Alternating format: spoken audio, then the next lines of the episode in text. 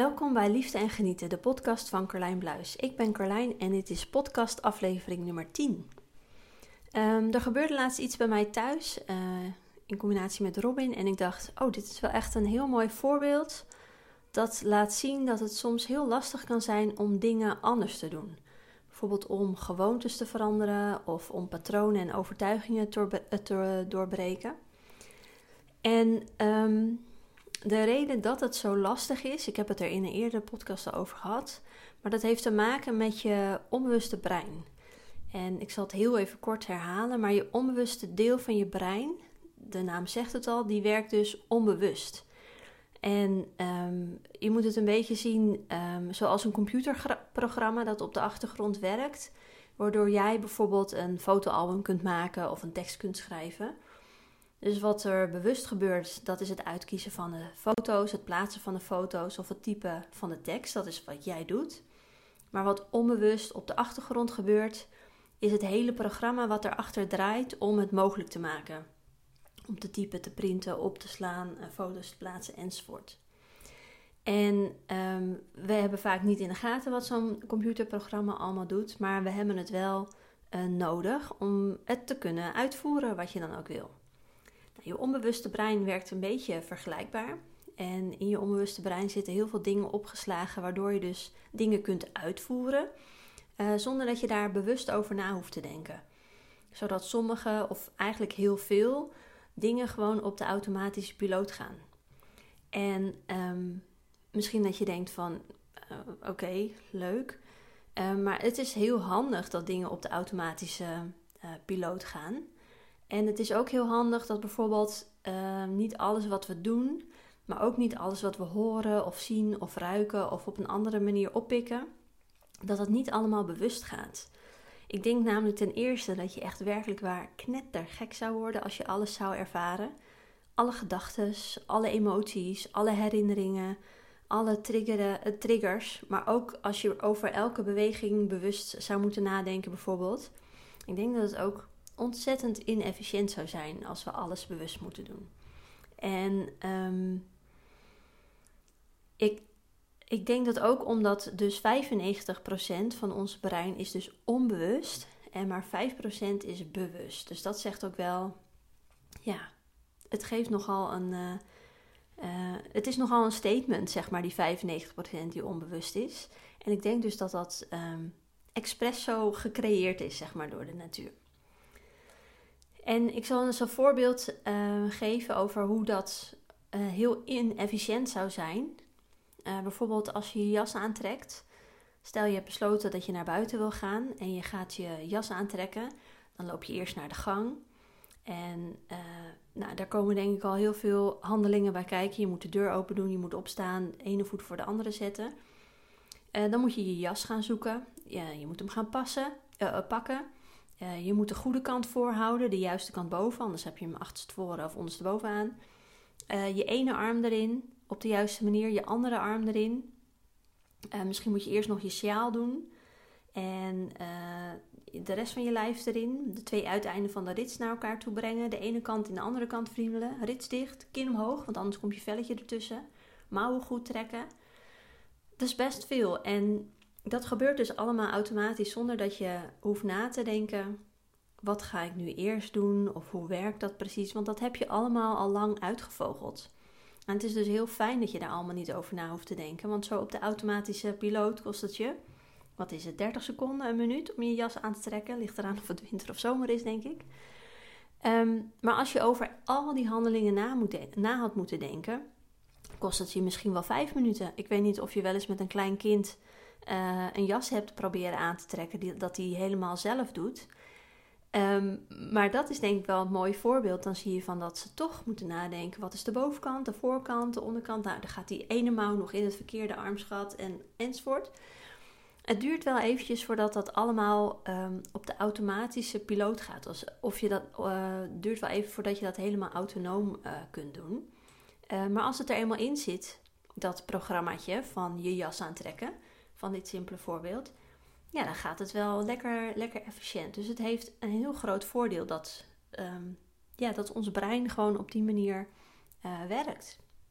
En in de loop van je leven krijg je natuurlijk steeds meer van dat soort automatische uh, handelingen. Uh, je veten strikken, je tanden poetsen, je aankleden, de, de, deur van het slot halen. Nou, je moet er maar eens bij nadenken hoeveel dingen je op de automatische piloot doet. Het is echt heel veel. En je hebt ooit geleerd hoe het moet. Bijvoorbeeld je jas aantrekken. Je hebt het uitgelegd gekregen. je hebt het gezien bij anderen. Daarna heb je het zelf geoefend en geprobeerd. En nu denk je er niks meer aan. En nu denk je er niet mee, bij na. Wat dus echt super ideaal is. En het voorbeeld wat ik nu gebruik, je jas aantrekken, is dan iets wat we als kind leren of aangeleerd krijgen. Maar ook later in je leven, later in je jeugd, maar ook later in je leven, kan je nog allerlei gewoontes en patronen en automatismen, ik weet niet of dat een woord is, maar ik heb hem bij deze geïntroduceerd, uh, kun je allemaal nog aan, uh, aanleren. Um, ik denk dat het bekendste voorbeeld wel uh, autorijden is. Dat leer je als het goed is niet als kleuter, maar als je een jaar of 17, 18 bent, of misschien 16, ik weet niet. Er is iets met die leeftijden. Vroeger, toen ik dat deed, deed je dat op je 18e. Tegenwoordig kan je geloof ik beginnen als je 16 of 17 bent of zo. Maar goed. Um, dus dat, super handig.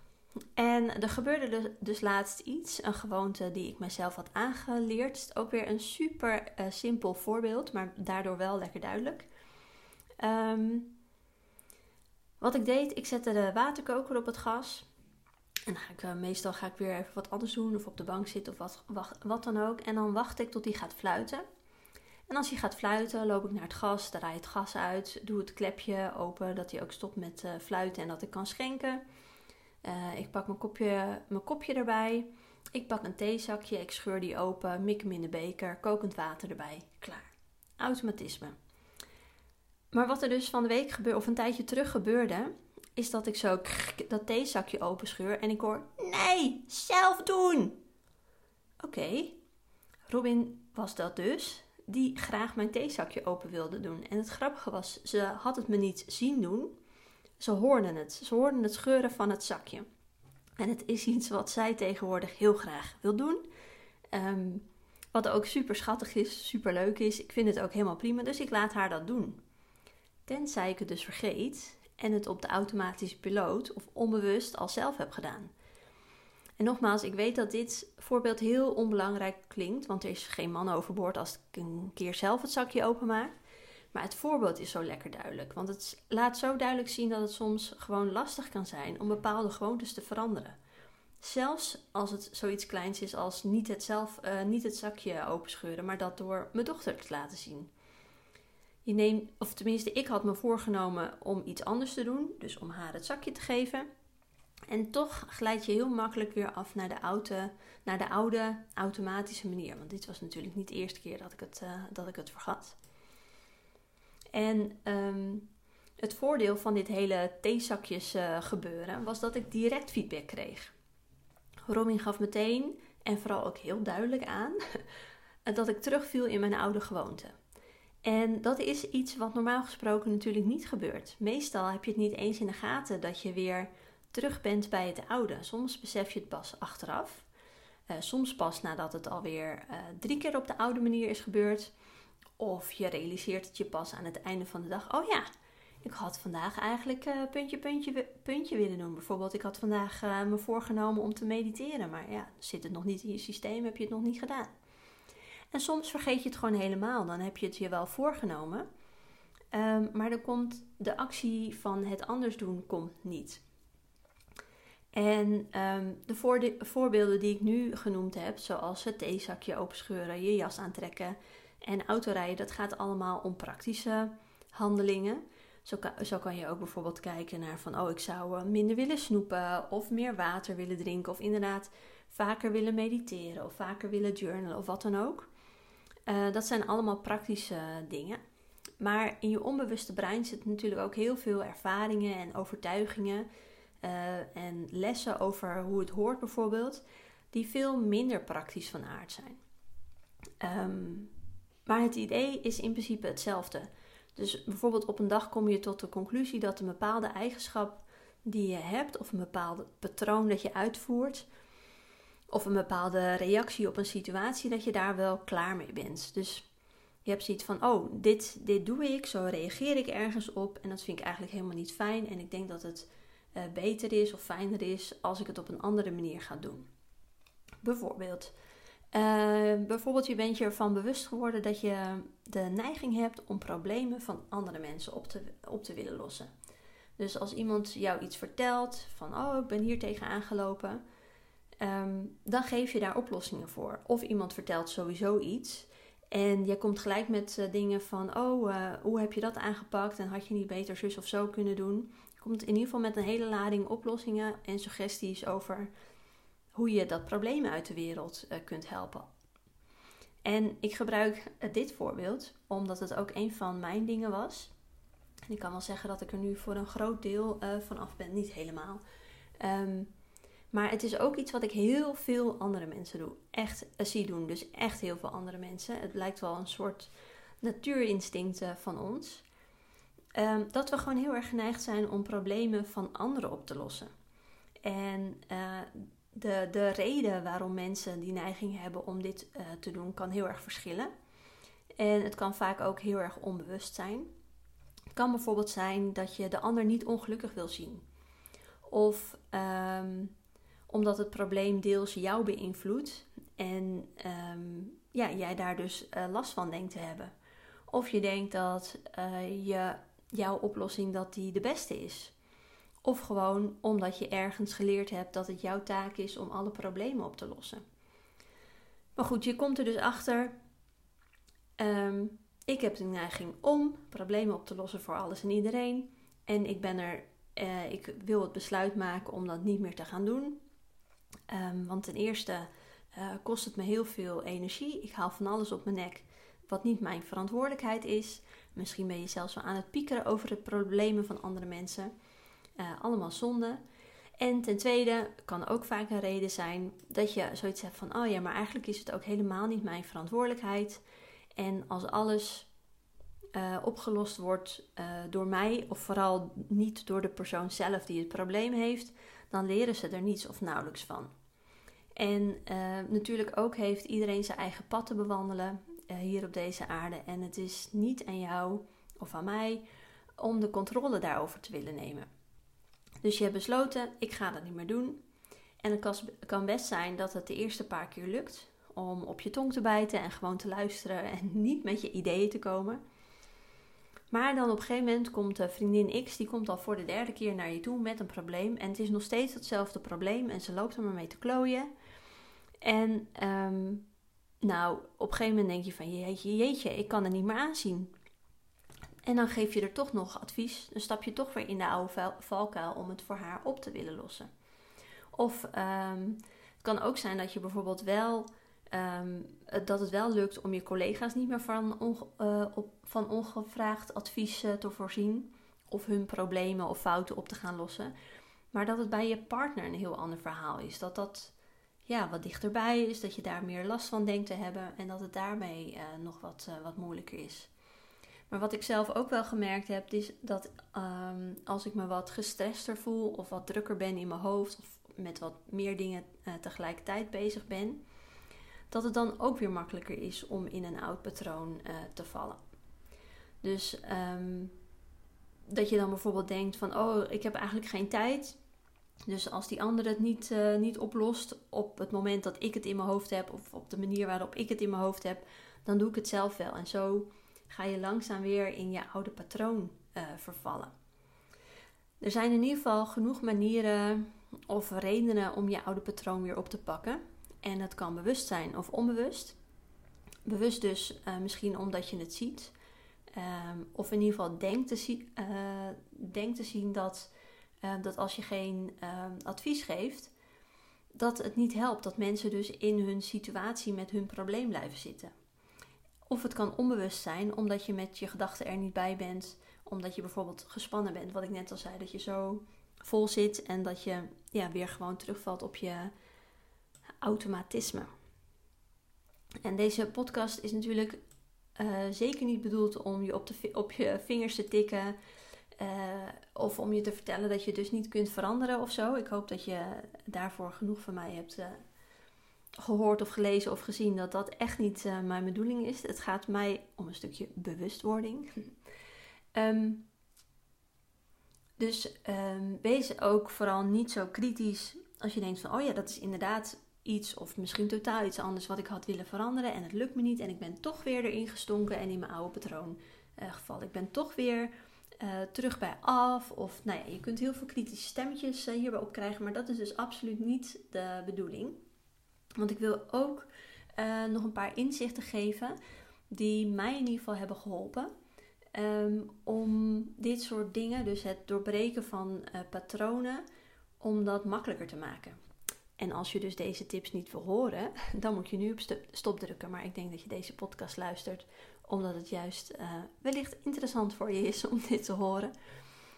Um, allereerst, als je dus een, uh, een oud patroon of iets wil doorbreken, dan kan het heel erg, um, heel erg eh, helpen om een nieuwe gewoonte te introduceren. Even een heel simpel voorbeeld. Stel je hebt de neiging om aan uh, korstjes of aan pukkeltjes of aan ingegroeide haartjes of zo te krabben. Sorry, het is niet het meest smakelijke voorbeeld, maar ik denk dat het wel uh, een uh, herkenbaar iets is. In ieder geval, je wil daar vanaf, want je weet dat het niet beter wordt en misschien krijg je er wel littekentjes van, weet ik veel wat. Um, maar je hebt besloten om dat niet te doen en het lukt je om er drie keer niet aan te zitten. En elke keer als je dat dan weer uh, ziet bij jezelf, als je kijkt bijvoorbeeld naar die pukkel op je kin en je, en je ziet hem weer als je in de spiegel kijkt, dan denk je niet aanzitten, niet aanzitten, niet aanzitten. Nou, dat lukt dan een paar keer. En op een gegeven moment heb je het niet in de gaten, zit je ineens weer te krabben. En denk je, oh ja, fuck, ik zou er vanaf blijven. Wat het makkelijker maakt, is omdat je dus uh, die neiging voelt. Want op een gegeven moment denk je, oh ja, ik moet het niet doen, ik moet dit niet doen. Maar dan blijf je er dus op gefocust. En als je jezelf aanleert om een alternatief iets te doen, dan um, kan je dat helpen. Want dan, dan um, zit je dus in dat moment, oh, ik mag er niet aankomen.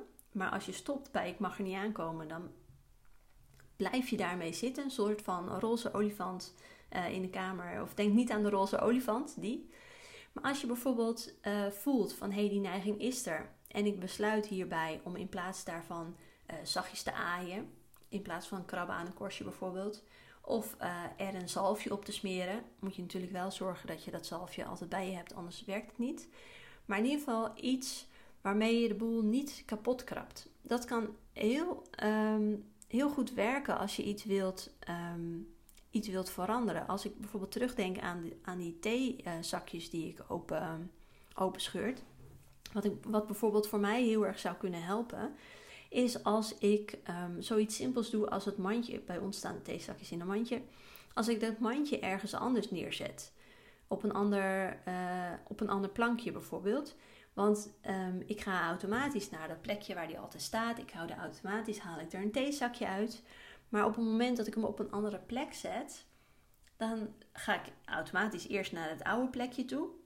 En denk, oh ja, hier stond hij niet meer. En dan gaat, valt ook weer dat, dat linkje naar van, oh ja, maar wacht even. Uh, ik heb hem ergens anders neergezet. Um, zodat ik me daaraan kan herinneren dat ik niet zelf het zakje open moet maken, maar dat ik het aan Robbie mag geven. Zo kun je hele, ja, hele simpele trucjes eigenlijk toepassen. Um, om een oude gewoonte te doorbreken. En dit is, gaat natuurlijk weer over die praktische dingen.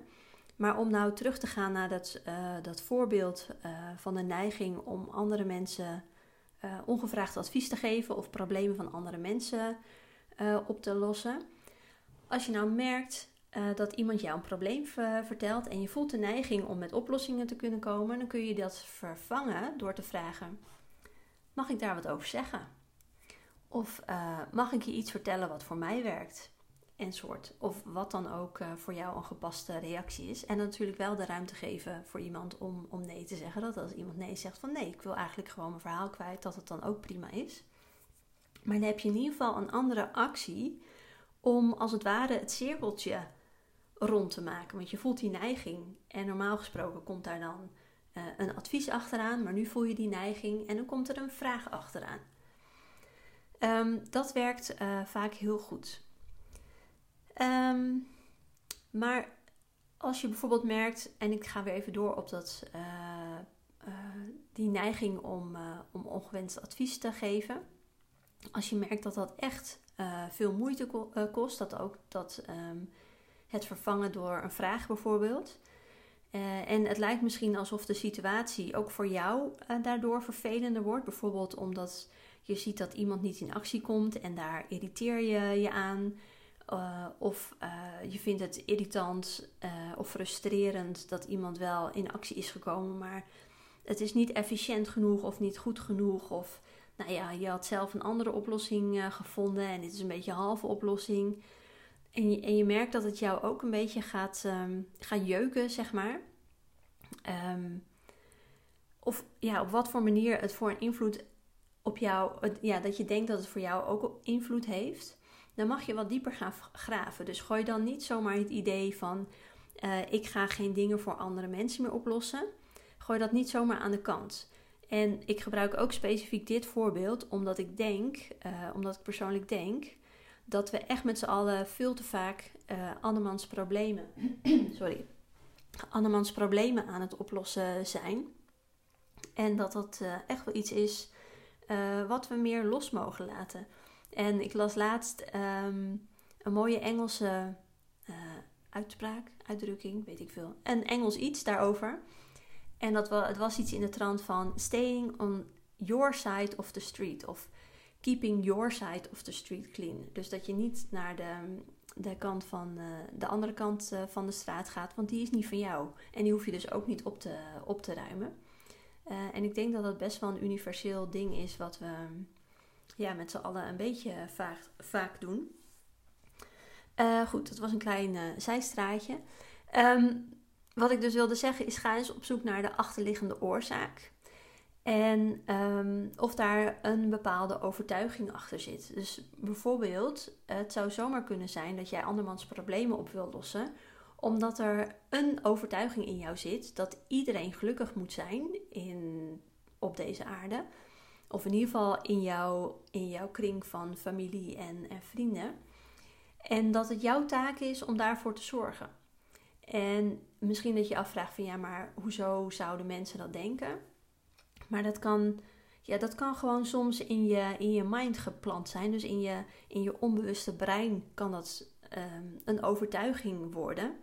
En um, ja, een voorbeeld wat mij best wel aan mijn hart ging, want toen ik het hoorde, ja, werd ik er best wel door uh, geraakt. Ik hoorde laatst namelijk op de markt een vader tegen zijn zoontje, ik denk dat hij een jaar of vier was, hoorde ik zeggen, nee, niet helemaal zeggen, een beetje schreeuwen. Kijk nou wat je gedaan hebt. Ik had nog zo gezegd dat het niet mocht. Nu heb je de hele dag van je moeder verpest. En toen dacht ik, oei, ik weet niet wat hij gedaan heeft, maar ik denk dat als het een, een vierjarig jongetje kan dat niet heel wereldschokkend geweest zijn. Maar hij krijgt wel de boodschap mee dat hij verantwoordelijk is voor zijn moeder dat hij misschien een slechte dag heeft. Snap je wat ik bedoel? Dus hij krijgt een boodschap mee van wat ik gedaan heb. Of als mijn moeder een slechte dag heeft, dan zal ik wel iets gedaan hebben. Dan zal dat wel mijn schuld zijn. Dan zal het mijn verantwoordelijkheid zijn. En dat kan uh, ja, uh, zich bijvoorbeeld gaan uiten in dat je dus um, gaat people pleasen of inderdaad mensen problemen gaat oplossen of je in gaat houden of dat soort dingen.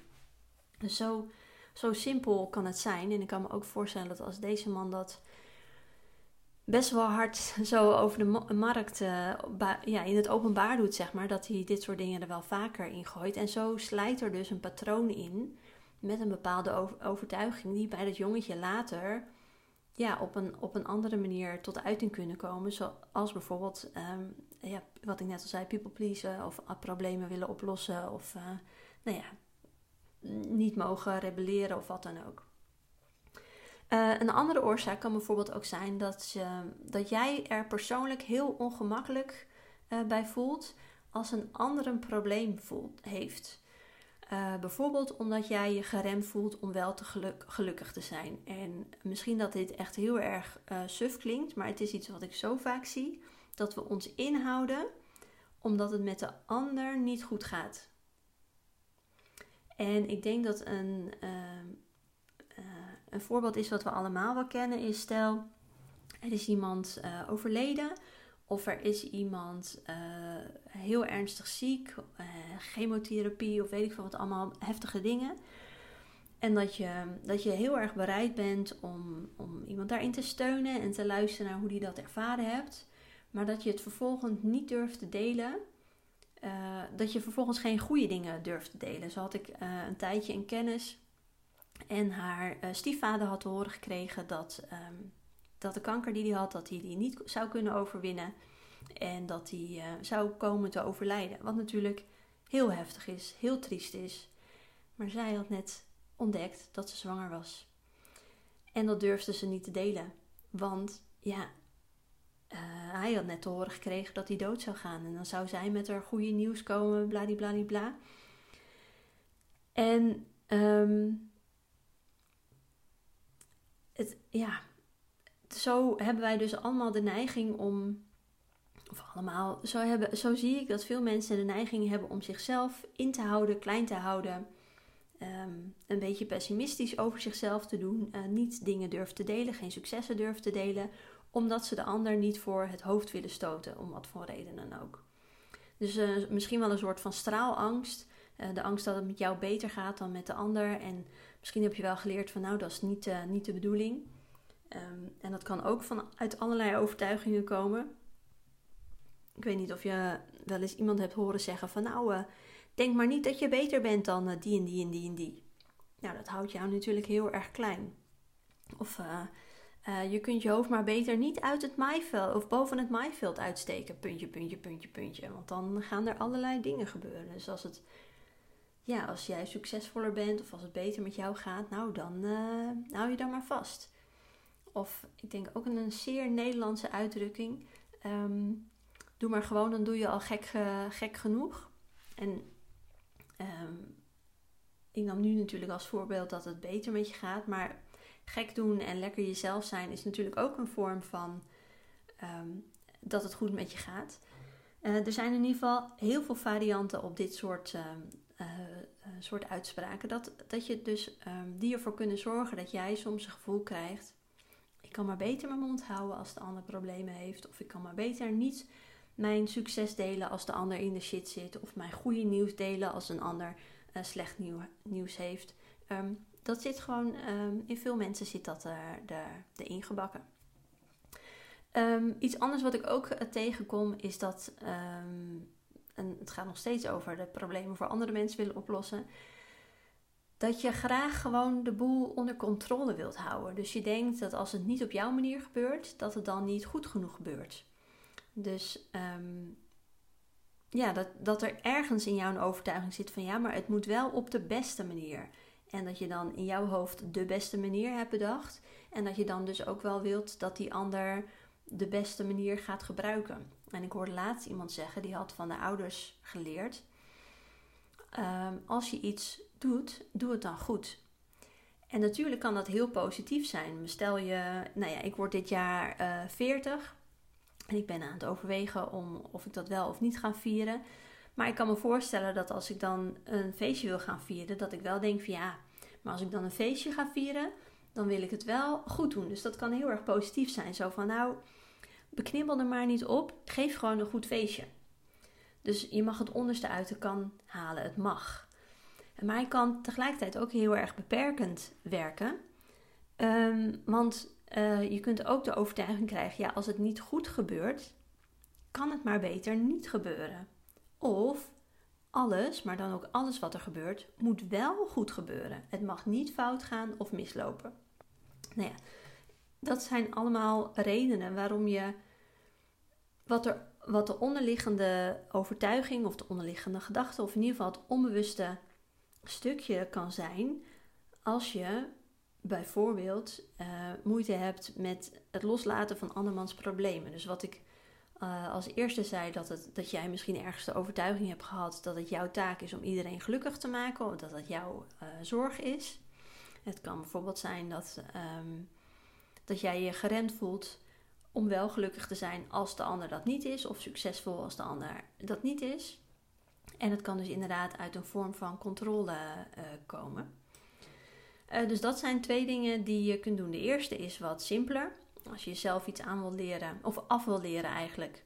Zorg dan dat je er een mooi alternatief voor in de plaats uh, hebt of bedenkt.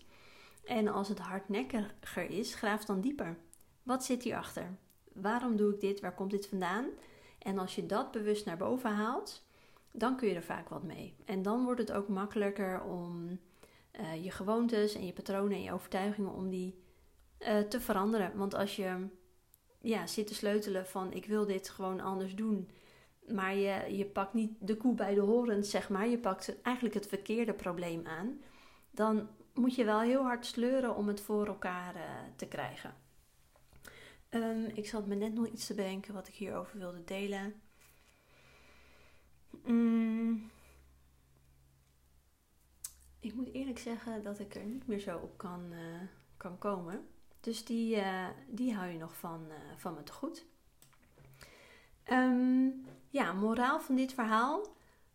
wees je bewust dat het lastig kan zijn om dingen echt anders te willen doen. Of het nou om praktische zaken gaat, zoals meer bewegen, gezonder eten, wat dan ook.